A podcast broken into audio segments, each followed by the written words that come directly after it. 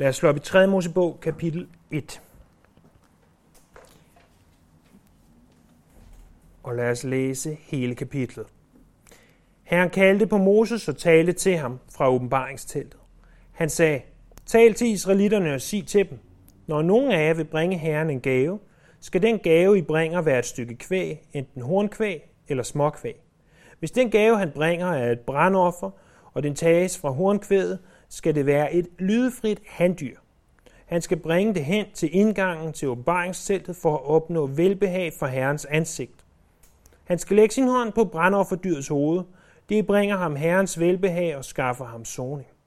Dernæst skal han slagte tyrekalven for Herrens ansigt, og præsterne, Arons sønner, skal bringe blodet hen og stænke det hele vejen rundt på alteret, som står ved indgangen til åbenbaringsteltet. Så skal han flå brandofferdyret og skære det ud.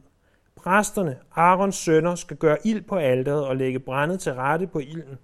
Og præsterne, Arons sønner, skal lægge stykkerne, også hovedet og nyrefættet, til rette på brændet over ilden på alteret. Indvoldene og skankene skal han vaske i vand. Præsten skal bringe det alt sammen som brandoffer på alteret. Et offer, en livlig duft for Herren. Hvis den gave, han bringer, er et, øh, som brandoffer tages fra småkvædet, fra forerne eller gederne, skal det være et lydefrit handdyr. Han skal slagte det for Herrens ansigt ved alderets nordside, og præsterne, Arons sønner, skal stænke dets blod på alderet hele vejen rundt. Så skal han skære det ud, også hoved og nyrefedt, og præsten skal lægge det til rette på brændet over ilden på alderet. Indvoldene og skankene skal han vaske i vand. Præsten skal ofre det alt sammen øh, og brænde det på alderet. Det er et brandoffer, et offer, en livlig duft for Herren. Hvis hans gave til Herren er et brandoffer af fugle, skal han bringe en turteldue eller en dueunge som sin gave. Præsten skal bringe den hen til alteret og knibe dens hoved af og brænde det på alteret. Han skal presse dens blod ud på alterets side, fjerne dens krog med indhold og kaste det øst for alteret, hvor fedtasken ligger. Og rive dens vinger løs uden at rive dem af. Så skal præsten brænde det på alteret, på brændet over ilden. Det er et brandoffer, et offer, en livlig duft for Herren. I det vi kommer til 3. Mosebog, kapitel 1, så ser vi i de første to vers både en generel indledning til bogen og en generel indledning til kapitlet. Vi ser, at der står, at Herren kaldte på Moses og talte til ham for åbenbaringsteltet. Det er en slags generel indledning til bogen. Vi husker, at det er derfra, vi får titlen til bogen, og han kaldte, øh, som er den hebraiske titel til bogen. Men samtidig så ser vi også, at det skaber et bindeled tilbage til anden Mosebog, hvor at åbenbaringsteltet, det vi også kalder for tabernaklet, bliver rejst. Øh, det betyder, at der blev det rejst, men uden at du har åbenbaring i et åbenbaringstelt. Der er et åbenbaringstelt blot et telt. Er I med på det? Hvis der ikke er nogen åbenbaring i teltet, så taler vi kun om et telt. Det er først det øjeblik, hvor at Herren kalder på Moses og taler til ham fra åbenbaringsteltet i kapitel 1, vers 1, at der begynder at blive åbenbaring i det her telt, som vi også kalder tabernaklet. Det er den generelle indledning til bogen. Mere specifikt til kapitlet, så siger han, når nogen vil bringe Herren en gave, skal den gave, I bringer, være et stykke kvæg, enten hornkvæg eller småkvæg. Det giver os et lille overblik over, hvad der kommer til at ske i det her kapitel. Og jeg har forsøgt at give en mulig inddeling af kapitlet heroppe på projektoren, hvor at vi inddeler det i to hoveddele. De første to vers, det er indledning, og de resterende fra vers 3 til 17, det handler om det her brandoffer, som vi skal se meget mere på i aften. Det kan igen inddeles i tre forskellige dele. I ser det rimelig klart i jeres bibler, hvis I kigger ned og har øh, dronningens bibel, at fra vers 3 til 9, der er der et afsnit, og vers 10 til 13 og vers 14 til 17. Og det er tre forskellige måder at komme med et brandoffer på. Øh, der er først hornkvædet, øh, som er øh, ja, en, en tyrekalv. Øh, så er der småkvædet, som er får og geder, og så er der nogle fugle i de sidste øh, vers fra 14 til 17. Så det er det indhold, der kommer i bogen, øh, i kapitlet snarere. Øh, lad os, inden vi, vi går videre, så lige minde os selv om, hvordan er det nu, vi inddeler 3. bog? Jo, vi siger, at den handler overordnet set om hellighed. Øh, det er det grundlæggende i bogen. Men de første 17 kapitler, de handler om vejen til Gud, og fra kapitel 18 til 27, det handler om vandringen med Gud. De første syv kapitler af det her første halvdel af bogen, den handler om offrene. Øh, vi ser i alt fem ofre i de her øh, syv kapitler, som øh, de nævnes øh, i større eller mindre grad, altså om to gange i, fra forskellige vinkler. Men de fem ofre, det er brandofferet, som er det, vi skal se på i aften i forhold til kapitel 1. Så er der afgrødeofferet, der er måltidsofferet, der er syndofferet, og der er skyldofferet. Og øh, for os, øh, i hvert fald for mig, øh, når jeg bare ser de her udtryk, jamen så er det ikke udtryk, jeg, jeg tænker, åh, hvad, det, jeg ved ikke lige, hvad de dækker over. Men det vil vi komme til at se meget, meget mere i de efterfølgende gange i 3. Mosebog. Og jeg arbejder endda på en, en oversigt over de her fem ofre, så vi kan øh, se, hvad det er. Den er ikke helt klar endnu, så I må nøjes med at få noget videre om brandofferet i dag, og så forhåbentlig næste gang vil I kunne få en oversigt over, hvad de forskellige ofre de dækker over. Det var ikke muligt at nærme sig Gud uden at komme med et offer. Og at alle de ofre, der blev givet, der var brandofferet det hyppigste. Det var blev givet hver dag, og det er også derfor, at det nævnes først. Udtrykket brandoffer på hebraisk er noget i retning af olar. Det betyder at stige op. Vi kunne sådan lidt med et smil på læben sige, at det er fordi, at offeret går op i røg. At, at det, at det er simpelthen det, som udtrykket betyder. Hvert offer, som sagt, havde sit specielle formål. Brandofferets formål, det ser vi der i vers, øh, slutningen af vers 3 og, og hele vers 4. Øh, I særdeleshed sidste halvdel af vers 4 opsummerer det. Når de kommer med dyret, lægger hånden på brændofferdyrets hoved, så bringer det ham herrens velbehag, og det skaffer ham soning.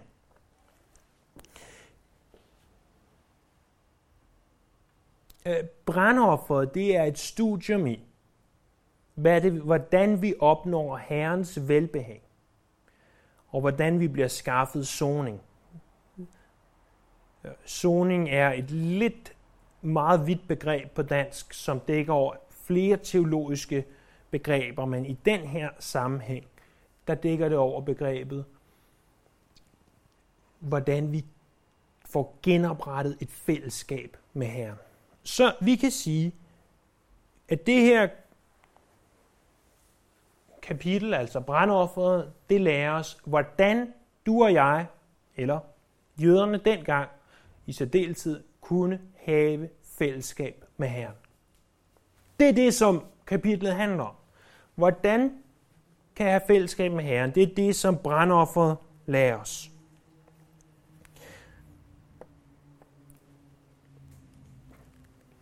Vi kunne godt sige det, og så gå videre til kapitel 2. Og vi vil alle sammen have fået noget ud af det. Jeg tror også, at vi alle sammen igen kunne sætte os ned og læse kapitlet. Og, og med den smule information, der har taget ganske få minutter, øh, have en langt større forståelse for kapitlet.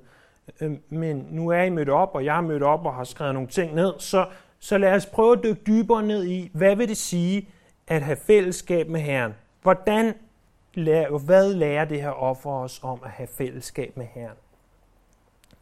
Øh, brandofferet, det kom fra forskellige typer dyr.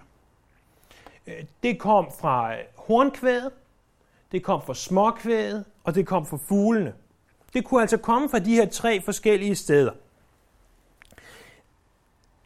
Når vi vil have fællesskab med Herren, så er fællesskab med Herren for alle, der måtte ønske det. Det er den første pointe i aften. Fællesskab med Herren er for alle, der måtte ønske det. Det kom for de her tre forskellige dyr. Fordi Gud han anerkendte, og anerkender, at ikke alle mennesker har de samme økonomiske midler, øh, eller den samme intellektuelle formåen, eller hvad vi nu måtte kalde det. I det her tilfælde var den samme økonomiske formåen.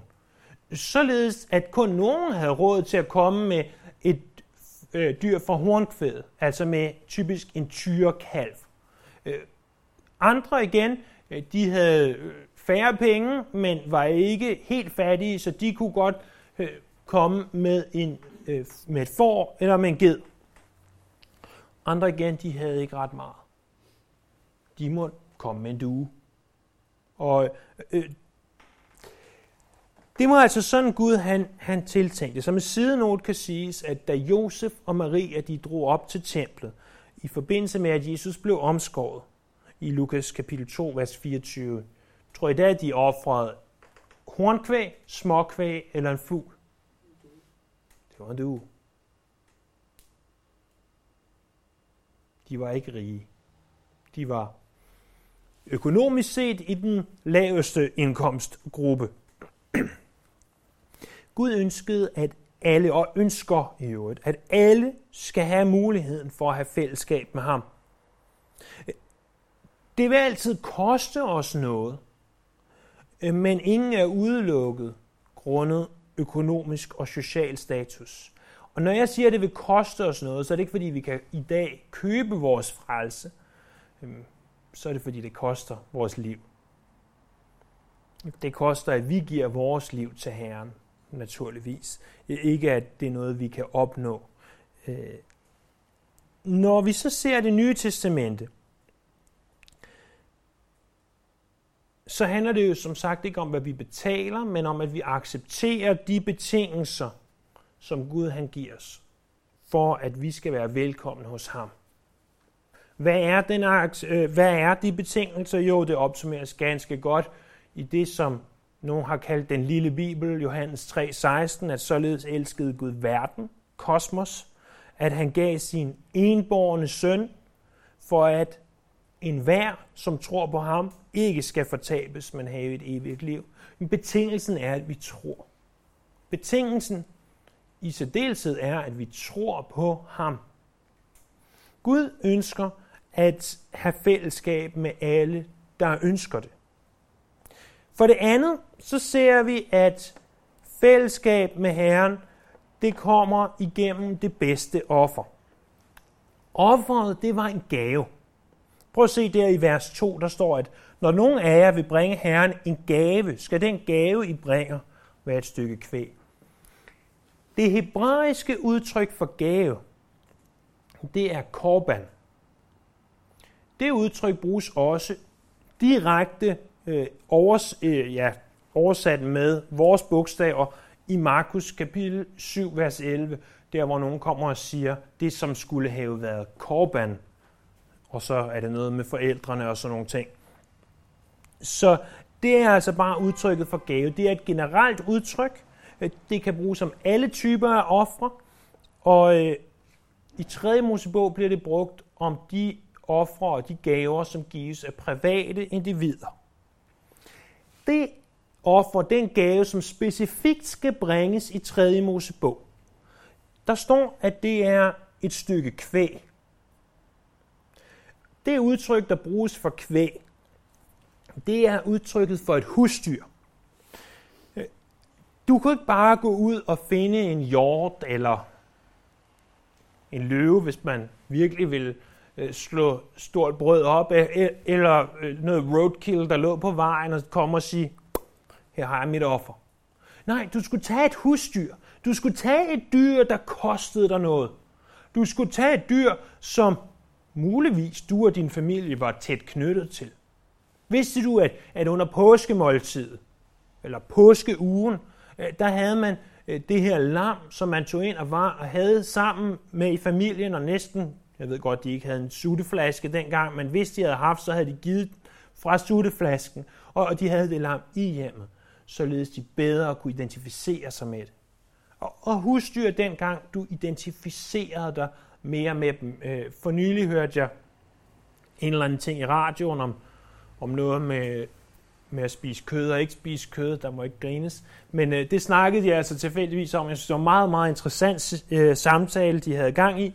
Og, og der var, øh, jeg tror det var i radioen, jeg kan faktisk ikke huske, hvor det var.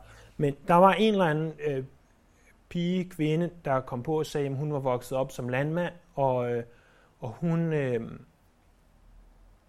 hun havde, altså, de havde givet dyrene kælenavn, men alligevel, når det så kom tid til at slagte dem, så slagtede de dem og spiste det. Det var en naturlig del af deres hverdag. Øh, så på den måde foregår det åbenbart, ikke at jeg har nogen førstehåndsviden, men i forhold til, hvad hun skrev, så er der stadigvæk mennesker i dagens Danmark, der gør det her. Det er ikke unaturligt. Jeg tror bestemt ikke, det var unaturligt dengang, at man knyttede sig til dyrene på en eller anden måde. Men hvad vi ved, der er sandt, så var det et dyr, der kostede dig noget. Vi skal sammenligne det med, når vi kommer med sådan en offer her, at, at du forestiller dig, at du har endelig fået sparet sammen til og kan betale kontant en bil. Ja. Lad os bare sige, at du ikke direkte flotter dig, men du køber en af de her øh, situationstegn, jeg synes bestemt ikke, det er billigt, men billige biler til omkring 100.000 kroner. Det er rigtig, rigtig, rigtig, rigtig mange penge. Øh, for alle, os alle sammen. Du går ud og køber sådan en bil kontant. Det er din bil, det er ikke bankens bil, det er ikke øh, de her lånehejers bil, det er din bil.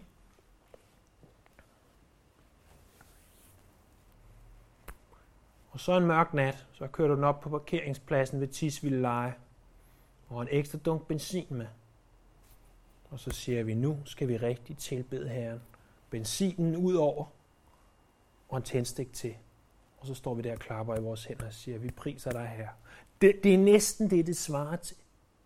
Jeg ved ikke om økonomisk det vil svare til det, men, men det, jeg tror faktisk, det ville, uden at, at kunne hverken bevise eller modbevise det. I, vi tænker alle sammen, hvem vil dog gøre sådan noget? Hvem vil dog tage noget, som man havde gået og, og sparet til i mange, mange, mange, mange måneder og år måske, og, og så bare puh, lade det gå op i røg på den måde? Øh, vi ved allerede, hvilke type dyr, der taler om. Der er enten tale om en tyrekalv, der kan være tale om en, øh, et får, en ged eller de her duer. Der står også, at offeret skal være lydefrit. Prøv at se der i vers 3. Det skal være lydefrit handdyr. Det her udtryk lydefrit, det er ikke just, for at bruge et andet ord, vi ikke bruger så meget, øh, et, et udtryk, vi bruger voldsomt meget længere andet end i Bibelen. Øh, når man slår det op i, øh, på ordnet.dk, øh, så siger de, at det betyder blot fejlfrit. Og det er også det, som det oversættes til på engelsk. Det, det er blot et andet udtryk for ordet fejlfrit. Hvorfor skulle dyret være fejlfrit? Jo, det skulle det først og fremmest, fordi at det bliver givet på vegne af mennesker, der er fyldt med fejl. Og samtidig så øh, må vi give Herren vores bedste.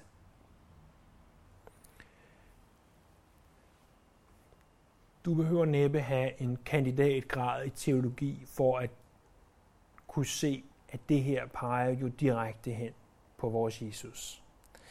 At han blev det ultimative offer.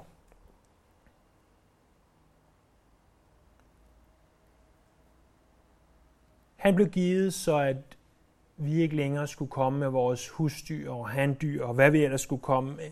Han blev givet af faderen som søn for at give det fuldkommende, lydefri, fejlfrie, perfekte offer, som var nødvendigt.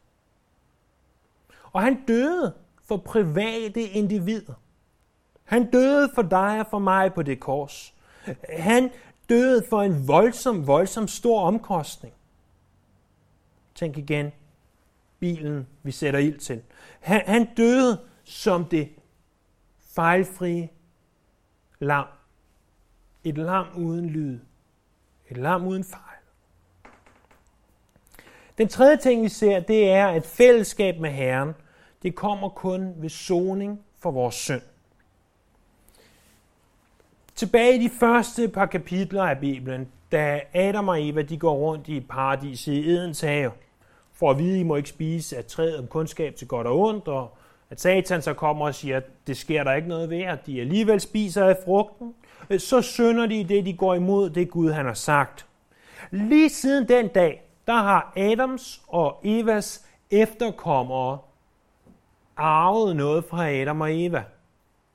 Det er desværre ikke penge i en bank, eller øh, et kæmpe stort øh, hus, eller andre ting. Nej, det, vi har arvet det synd. Og, og det er det, som nogle teologer har kaldt for arvesynden. Øh, der tales om det i Romerbrevet kapitel 5 blandt andet. At fordi vi er fra Adam, så bliver vi født som syndere. Og øh, til de af jer, der ikke måtte have, have børn øh, endnu, og sidder og tænker, ej, sådan et lille sødt barn, det er da ikke en synder. Øh, jo, det skulle jeg helst sige, det er det. De har deres egen vilje, de gør, som det passer dem, faktisk fra den dag, de bliver født. Øh, jeg tænkte, nu har jeg selv øh, chancen for at se det, og misforstå mig ikke, jeg elsker Cornelia over alt, hvad jeg kan elske på den her jord. Og alligevel kunne jeg se fra begyndelsen, at hun gør ting. Der er ting, hun gør, fordi hun er født som en sønder. Ligesom du og jeg er født som sønder. Og det er ganske seriøst, det her. Hvad gjorde Gud ved det for Adam og Eva? Jo, i 1. Mosebog kapitel 3, vers øh, 20-24, der står, at det Gud han gjorde, det var, at han syede noget skintøj til dem. Og Gud havde ikke gået ned til den lokale leverandør af skintøj og købt skinnet, der på mirakuløs vis dukkede op, ligesom bøfferne i vores supermarked i øvrigt jo gør det. Rent ironisk sagt. Hvis Gud skulle kunne sy skintøj, så var der et dyr, der var nødt til at dø.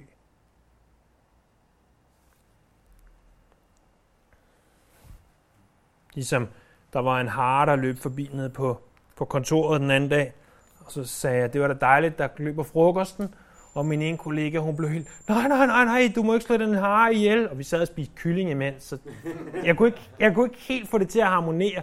At vi så ofte glemmer, hvor kommer det kød, vi spiser egentlig fra. Det kommer fra et levende sødt dyr.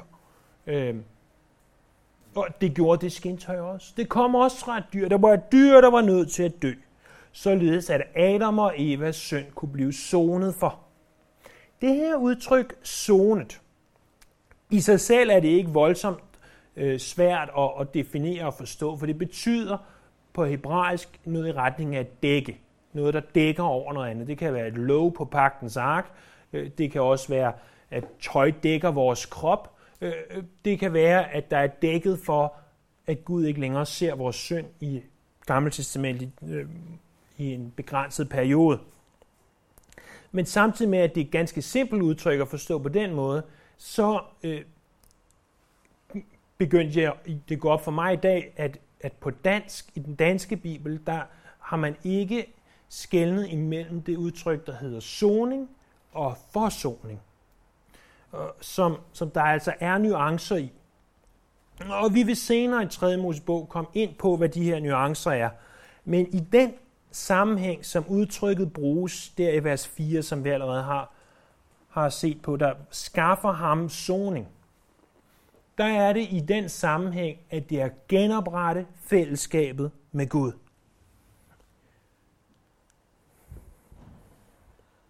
Vi ved fra Esajas kapitel 53, vers 12, at Jesus han trådte i stedet for sønder. Vi ved fra 2. Korintherbrev kapitel 5, vers 21, at han blev gjort til synd for os. At vi gik hen og lagde hånden på ham, billedligt talt, den dag han hang på korset, således at vores synd blev overført fra os til ham, således der så var sonet for synden, således der var dækket for synden, således at Gud ikke længere øh, ser vores synd, således at den er tilgivet, og rent faktisk øh, fra Guds perspektiv er væk. Den fjerde ting, vi ser, det er et fællesskab. Det skal være personligt. Når en person ønskede at bringe et offer, så var det en ganske, ganske personlig ting, han gjorde. Lad os prøve at se på det en gang igennem øh, teksten. Øh, I vers 3, der står, hvis den gave, han bringer, er et brandoffer, og den tages fra hornkvædet, skal det være et lydfrit handdyr. Han skal bringe den hen til indgangen til åbenbaringsteltet for at opnå velbehag for Herrens ansigt. Vi ser også i vers 5, at han skal slagte tyrekalven for Herrens ansigt. Vi ser i vers 6, at han skal flå brandofferdyret og skære det ud. Og vi ser i vers 9, at han skal vaske indvoldene og skankene i vand.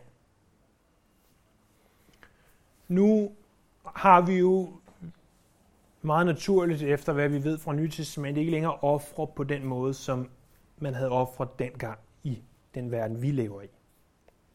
Der var en, han foreslog, at når man skulle gennemgå 3. Mosebog, så, øh, så gjorde man det, at man tog en eller anden lille bamse, og så fik man nogen til at skære den midt igennem. Jeg ved ikke, om det havde været for brutalt for jer, men jeg har undladt at gøre det. Øh, men, men det sagde han, vi, vi bliver nødt til at lære at forstå, hvad det her offringer det går ud på. Jeg ved ikke, om det havde fået os til at forstå bedre, eller om det havde fået os til at løbe skrigende bort. Det, det skal jeg ikke kunne bedømme. Men det er svært for os at forstå, hvad det egentlig indebar. Jeg øh, er så privilegeret, at min morfar, han var slagter i rigtig, rigtig, rigtig mange år. Øh, ja, 60 år, tror jeg næsten, han virkede som slagter. Og det betyder, at jeg har set mange, mange, mange dyr blive slået ihjel og, og slagtet. Jeg har aldrig selv været med til det, men altså sådan fysisk stået med kniven og så videre. Men, men jeg har set rigtig mange dyr blive slagtet. Og øh, jeg tænkte, hvordan laver jeg bedst research på det her? Så ringede jeg til ham øh, i går og snakkede med ham øh, og spurgte, hvad, hvad sker der, når et dyr bliver slagtet? Og det er jo klart, at selv i hans tid, hvor der i hvert fald sidst, sidst på hans liv har været maskiner til at hjælpe ham osv., der har det været anderledes end først. Men han sagde, at hvis man har sådan en tyrkalv, så skal man forvente, at den vejer omkring 400 kilo. Selvfølgelig afhængig af, hvor gammel den er. Men hvis den er et, et år, så vil den veje omkring 400 kilo. Det er altså ordentligt bæst at trække rundt med. Han sagde også, at jeg kan huske, at indimellem de skulle trække deres øh, dyr ud, og det er jo så fuldstørrelseskøer, som så måske var et par hundrede kilo mere. De skulle trække dem ud af en stald, og så ind i en slagtehus, som var lige ved siden af. Og indimellem så stak de her køer af. Og, og de øh, boede ud til det, der hedder Hovedvejen i, i Osted, som er en, en rimelig, nej, en meget trafikeret vej. Og indimellem så løb der altså en ko ud på den der vej. Og, og den stak af. Han fortalte også i går, da jeg snakkede med ham om en gang, der var et får, der stak af. Og det var væk i tre uger. Og, og de har så været nødt til at sætte annonce i avisen. Det var før Facebook eksisterede, naturligvis. Og, og pludselig var der nogle børn, der opdagede det her får ude i skoven. Og dyr, de stak altså af.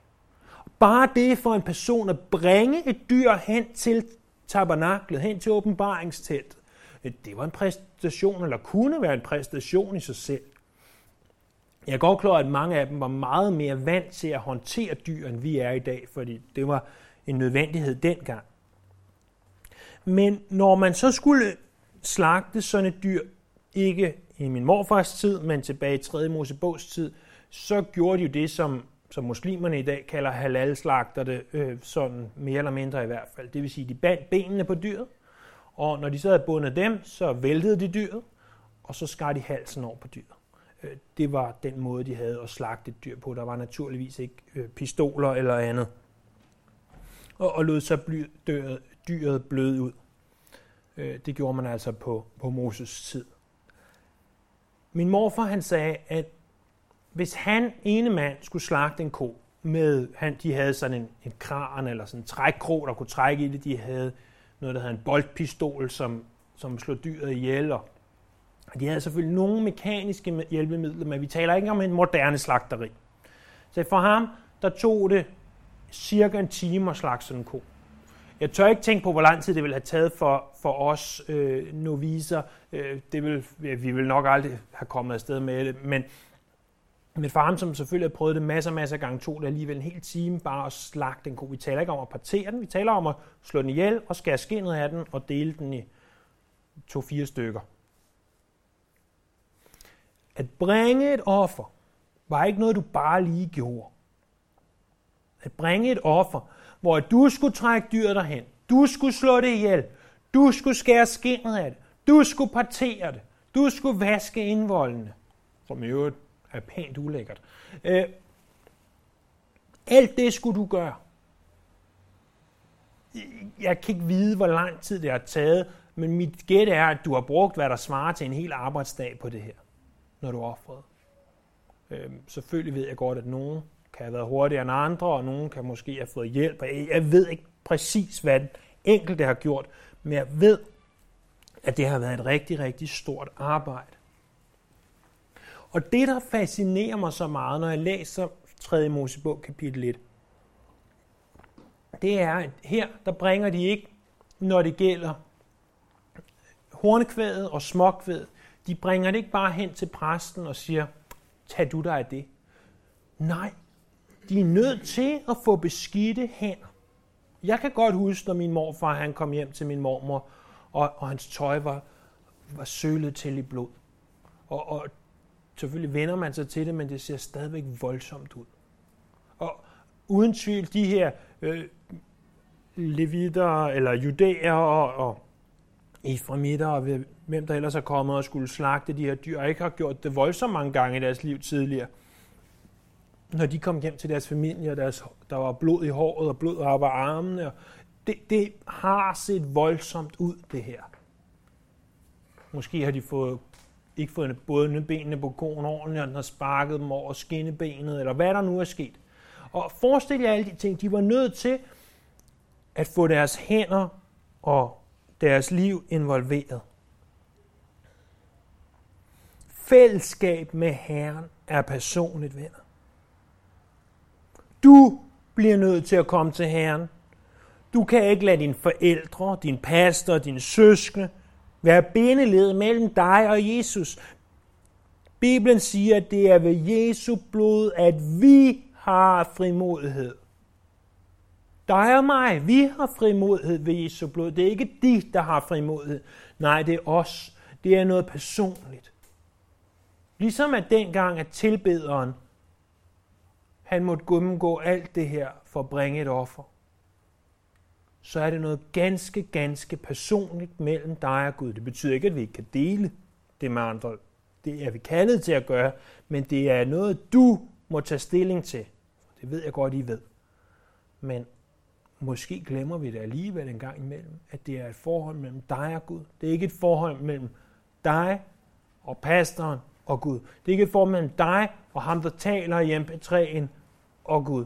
Det er ikke et forhold mellem dig og din ægtefælle og Gud. Nej, det er et forhold mellem dig og Gud. Men når det så er sagt, så er vores femte ting, vi ser om det her fællesskab med Herren, det er, at det er igennem en mellemmand. Og det virker jo fuldstændig vanvittigt, at når jeg siger, at det er personligt, så er det alligevel igennem en mellemmand. Men prøv at se, hvilken stor del præsten havde i den her offerproces. Jo, i vers 5, der skulle han tage blodet, og så skulle han stænke det på alter. Øh, så skulle han også gå hen og, og gøre ild, og han havde vel at mærke ikke den her dunk benzin og lighteren til at tænde ilden. Øh, så skulle han tage de øh, dele af, dyret, som personen havde skåret ud og lægge på alteret. Og når øh, indvolden og skanken, altså benene, var vasket, så skulle han også lægge det på alderet. De her mellemmænd, de var et uvurderligt led imellem tilbederen og Gud. Vi har også en mellemmand. Og nej, det er ikke paven.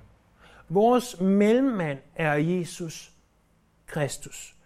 I 1. Timotius kapitel 2, vers 5 og 6 står det her ganske klart. Prøv en gang at se.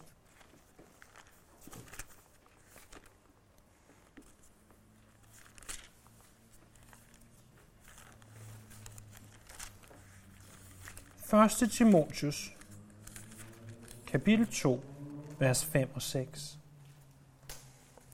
For der er én Gud, og en formidler mellem Gud og mennesker, mennesket Kristus Jesus, som gav sig selv som en løsesum for alle. Det var vidnesbyrdet, da tiden var inde. Jesus, han er vores mellemmand. Han er den eneste mellemmand, men han er en ganske nødvendig mellemmand. For han sagde, jeg er vejen, jeg er sandheden, jeg er livet, og ingen kommer til faderen uden ved mig. Som den sjette og sidste ting ser vi, at fællesskab med Herren, det er igennem blodet. Præsten havde som sagt de her vigtige opgaver med at sørge for, at der var ild og sørge for, at offeret blev lagt på alderet. Men til deltid havde han en vigtig opgave ved at sørge for, at alt det her blod blev stænket på alderet. Øh, Når man slagter en, i hvert fald koen her, så, øh, så vil der være øh, 10-15 liter blod ud fra sådan en ko. Jeg kan godt klare noget af det vil sikkert gå til spilde, men de vil formodentlig forsøge at opsamle så meget af det i kar og spande og så videre som muligt, så det kunne stænkes ud på alderet. Øh, vi ser også, at, at i forhold til, til duen, øh, der er sagen lidt anden. Der gør, har præsten en større del af det, øh, muligvis fordi at det ikke giver mening, at man selv skal stå der og gøre alt muligt med en due, og noget af den vil ikke, ikke blive brændt. Øh, men, men stadigvæk, blodet ud på alderet, det var præstens opgave.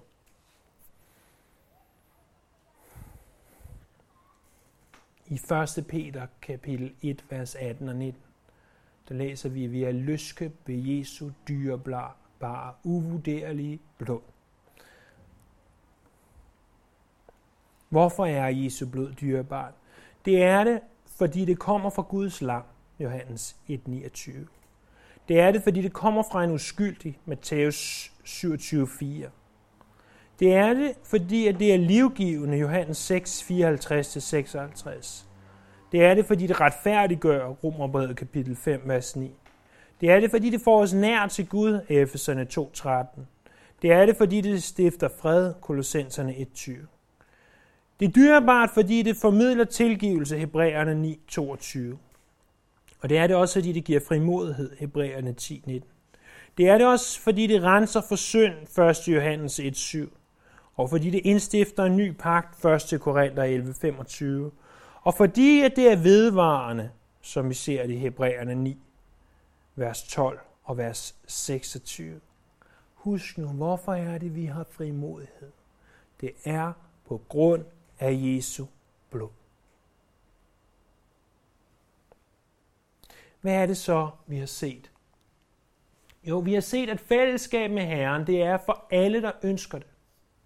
Vi har set, at fællesskab med Herren, det er ved, at vi kommer igennem det bedste offer. At fællesskab med Herren, den kommer kun ved soning for vores synd.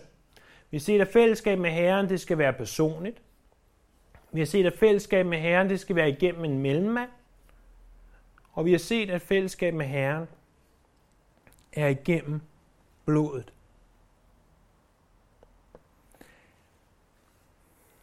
Det var sådan, når de kom med de her brandoffre, øh, så øh, uanset om det var hornkvæd, altså tyrekalven eller småkvæd, eller om det var duen, så stort set det hele bliver brændt.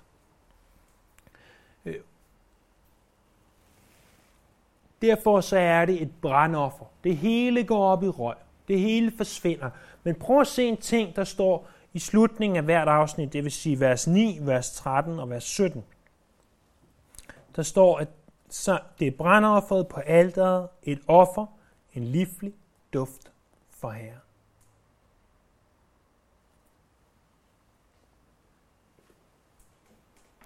Midt i al den her brutalitet, midt i alt det her blod og død og, og skrig måske fra dyrene og øh, sved fra de mennesker, der slagtede i, i den brændende øh, Sinai varme – så begyndte røgen fra kødet, der brændte, at sige op til Herren. Og det, venner, det var en livlig duft. Den dag på Golgata, da der var grå, da der var smerte, da der var blod, da Jesus han bar verdens synd. Der midt i al den brutalitet, midt i al den død, midt i al den sorg, der var det en livlig duft for Herren. Brandofferet. Jesus han er vores brandoffer. Jesus han er en livlig duft for Herren. Og han er også og forbliver også en livlig duft for os. For det er ved troen på ham. Det er ved troen på det, han gjorde på korset, på hans opstandelse, at vi kan modtage det evige liv. Lad os takke Herren for det. Herre Jesus, vi tilbeder dig. Vi tilbeder dig for, for dit forsonende værk på korset. For at du har løskøbt os og givet os muligheden for fællesskab, for frimodighed ved dit blod. Vi tilbeder dig, Herre. Amen. Amen.